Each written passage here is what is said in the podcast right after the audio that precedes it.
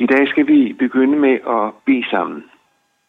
Og jeg beder om, Herre Jesus, at du vil komme til os, og du vil åbne dit ord for os, også så det bliver til glæde og fred og til frelse for os, der er sammen her. Amen. Jeg vil gerne dele nogle tanker med dig, som vi kan læse i Efterbrevets andet kapitel. Specielt den sidste del af kapitlet er noget indviklet, fordi Paulus skriver til en kristen menighed, hvor der dels sidder jøder, og i den samme menighed er der også mennesker fra andre folk og lande. Og mange jøder har jo et stærkt kendskab til Gamle Testamente. Og når man citerede Gamle Testamentet eller brugte billeder derfra og jødernes gudstyrkelse, så var de på hjemmebane.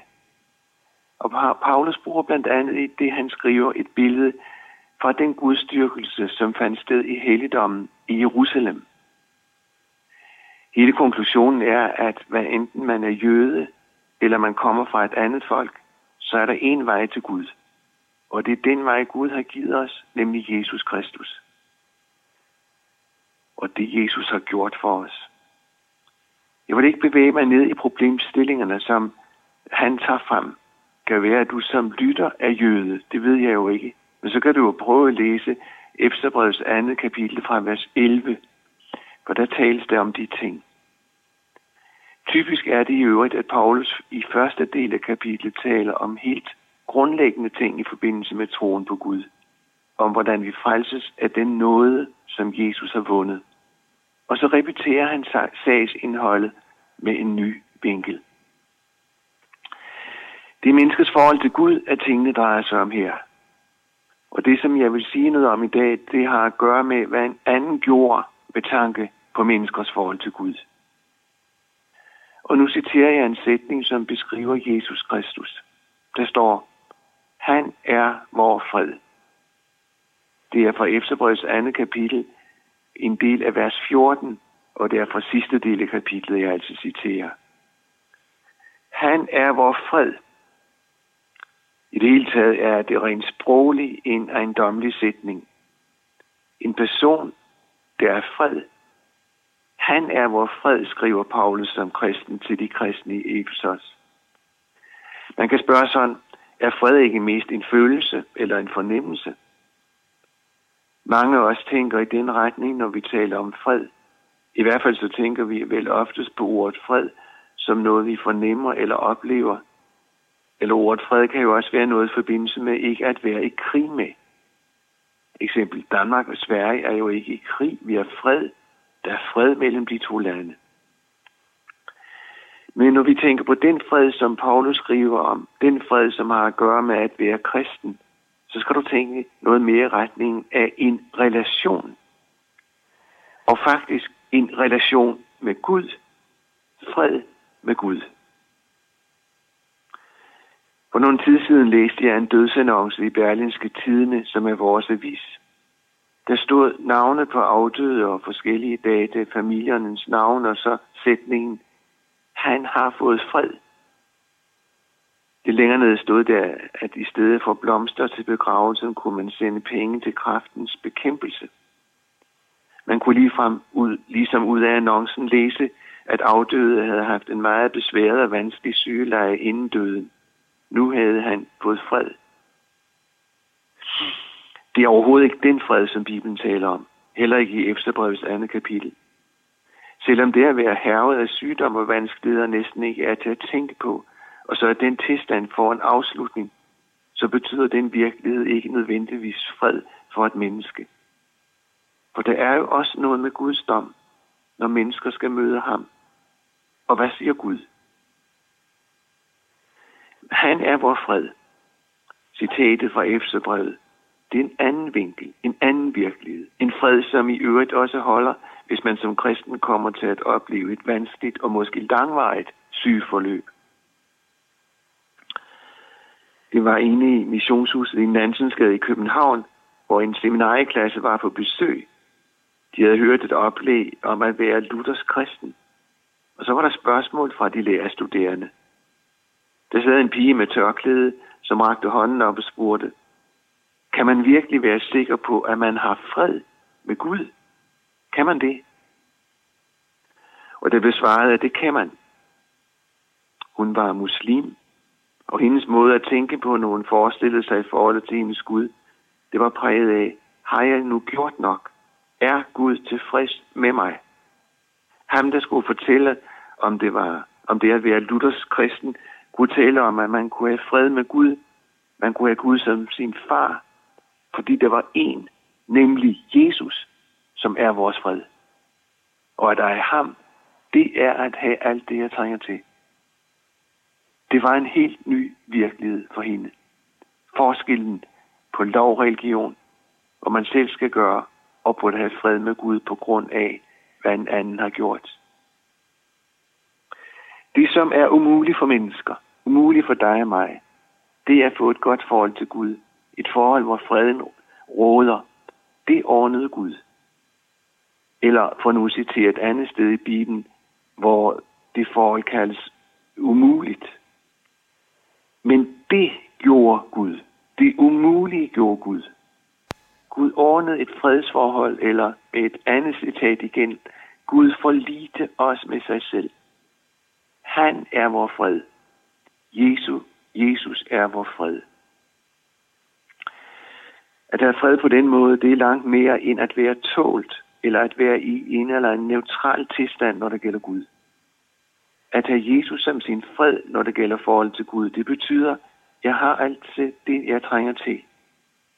Det er at være elsket af Gud. Og den, som har Jesus som sin fred, han har Gud som far og Jesus som bror. Det er at være arving. At Jesus er min fred betyder, at der ikke er noget, der skal lægges til. Fra det afsnit i Bibelen, som jeg citerede fra før, noget mere om begrebet fred. Der står altså, han er vores fred, og det forklares på flere måder. Blandt andet står der, at Jesus stiftede fred ved korset. Det er slutningen af vers 15 i Efterbrevets andet kapitel. Mange af os kan formentlig huske fredsbudskabet, som det sendt fra senderen i London den 4. maj 1945. Selvom du ikke var født på det tidspunkt, har du sikkert alligevel hørt det. Det er blevet gentaget så mange gange sidenhen i årene efter 45. Det var noget med de tyske styrker, der var nedkæmpet, og de allierede, der var en frem.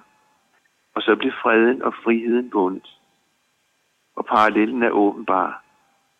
For at Jesus kan være vores fred med Gud, så måtte han vinde freden, og det gjorde han ved at give sit liv hen i døden på et kors. Mærkeligt har det været, og uforståeligt, for det så godt nok ud som nederlag. Det så ud som om Jesu fjender får afsluttet historien om ham, ved han dør så ynkeligt på et kors. Og så var virkeligheden, at Jesus vandt freden ved korset Den fred, som han vil give os. Og for at sige det på en enkel måde, det er den, det, der virkelig sker på korset, det er, at Jesus bytter med dig og mig. Og så siger han til os, nu går jeg på dine vegne ind i møde med den hellige Gud. Nu tager jeg straffen for alt det forkerte i dit liv, og jeg går straffen og skylden til mit problem. På den måde går Jesus frivilligt ind i møde med Gud på dine og mine vegne. Derfor dør han. Vel, og så kunne døden ikke holde ham fast. Han brød ud af dødens magt. Derfor er han vor fred, så ægte og så relevant. Og lige egentlig er det, at Jesus efter sin død gik levende ud af dragen, en kvittering fra Guds side, i det det betyder, at Gud er tilfreds med den fred, som Jesus vandt på korset. Profeten, han så det her længe før det skete. skete. Han skrev en sætning, som garanteret har været vanskelig at forstå, fordi der ikke kendte det, der skete med Jesus på korset. Profeten skrev, men han, og det er en, der skal være, det er en, der skal være Guds tjener, men han bar de mange synd og trådte i stedet for syndere. Det var det, Jesus gjorde. Han stiftede fred på korset. Han tog ansvaret for din og min synd, og så byttede han. Derfor, prof- dette profetvers, som er skrevet cirka 600 år før Jesu dør på korset, er nok det tætteste på den sandhed, at Jesus er din stedfortræder. Jesus i stedet for dig. Jesus stiftede fred mellem Gud og mennesker ved at dø på korset.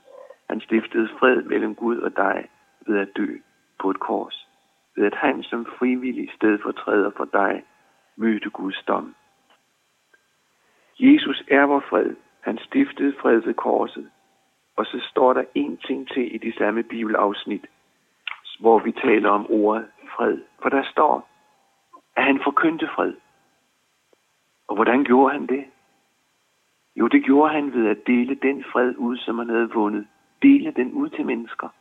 Dem, som havde brug for den, og som gerne ville have den. Jesus brugte de her ord. Dine sønder er dig forladt. Jesus gav mennesker søndernes forladelse, og han gav søndernes forladelse til dem, som var klar over, at de trængte til det. Han er vor fred. Han stiftede fred. Han forkyndte fred. Kan du huske noget af det helt centrale, som vi møder i juleevangeliet? Den sang englene om, der sang englene om fred til mennesker med Guds velbehag. Og der proklamerede de, der er født jer en frelser. Sådan blev det sagt, da Jesus blev født. Og så skriver Paulus om Jesus efter påske og himmelfart, at Jesus er vor fred. Han stiftede fred ved korset, og han delte ud. Han forkyndte fred. Husker du hende, som brød ind i det pæne selskab, hvor hun slet ikke havde noget at gøre, men hvor hun var klar over, at Jesus var? Det var i Simon Farisæers hus. Det var et middagsselskab. Så havde en, og hun havde så en overordentlig dyr salve med, en velduftende salve, som hun hældte ud over Jesus. Og der opstod lidt turbulens i den forbindelse. Der fortælles oven i købet, at kvinden var en berygtet kvinde, altså en moralsk belastet kvinde, en prostitueret. Hun kunne ikke forvente andet, end at Jesus skulle trække sig tilbage, så for, at hun blev sat på porten. Måske mindre af bryl. Men Jesus lod hende komme helt hen til sig og lod hende røre ham, hvilket var helt uhørt. Og så udspinder der sig en dialog mellem verden og Jesus som gæst. Og Jesus får sagt, at det principielt ikke er forskel på verden, altså en fariser, som i den grad i menneskers øjne levede et pænt liv, og hende, som var kendt som prostitueret. Og Jesus siger til hende, dine sønder er dig forladt. Jesus forkyndte fred. Det er det samme oplever vi i en situation, hvor der står, at mennesker, som ingen rigtig regnede med og for noget, holdt sig mere til Jesus for at høre ham. Han var lige, hvad var lige det, de hørte? Det var, jeg tager ansvaret for din synd. Jeg betaler din gæld hos Gud. Jeg stifter fred mellem dig og Gud. Det er ikke de raske, der har brug for læge. Det er de syge. Og de syge, det er dem, som har brug for at høre igen og igen. Dine sønder er dig forladt. Og så et sidste aspekt. Det at Jesus forkyndte fred. Det er noget mere end bare at have en, end at reputere troslærer. For ved du hvad? Det med, at Jesus forkynder fred, det er en virkelighed også, når du sidder og lytter til denne andagt. For i og med, at vi hører det om Jesus, som er citeret her, de bibelske sandheder, så er han også selv her, og så deler han ud. Er her nogen i dag, som gerne vil have fred med Gud, så vil jeg gerne være din fred, siger Jesus til dig, som hører det her. Han siger, kan du ikke få dit Guds forhold til at gå op, fordi det så ofte kigger med dig, og er du bange for den dag, du skal møde Gud, så siger Jesus, jeg har betalt din regnes, regning hos Gud. Og så kan der tilføjes, det må du have lov til at tro. Han er vores garanti for fred med Gud. Han stiftede fred. Han ordnede forholdet til Gud. Og den virkelighed deler han ud af til enhver, som vil høre og som ønsker at tage imod. Amen.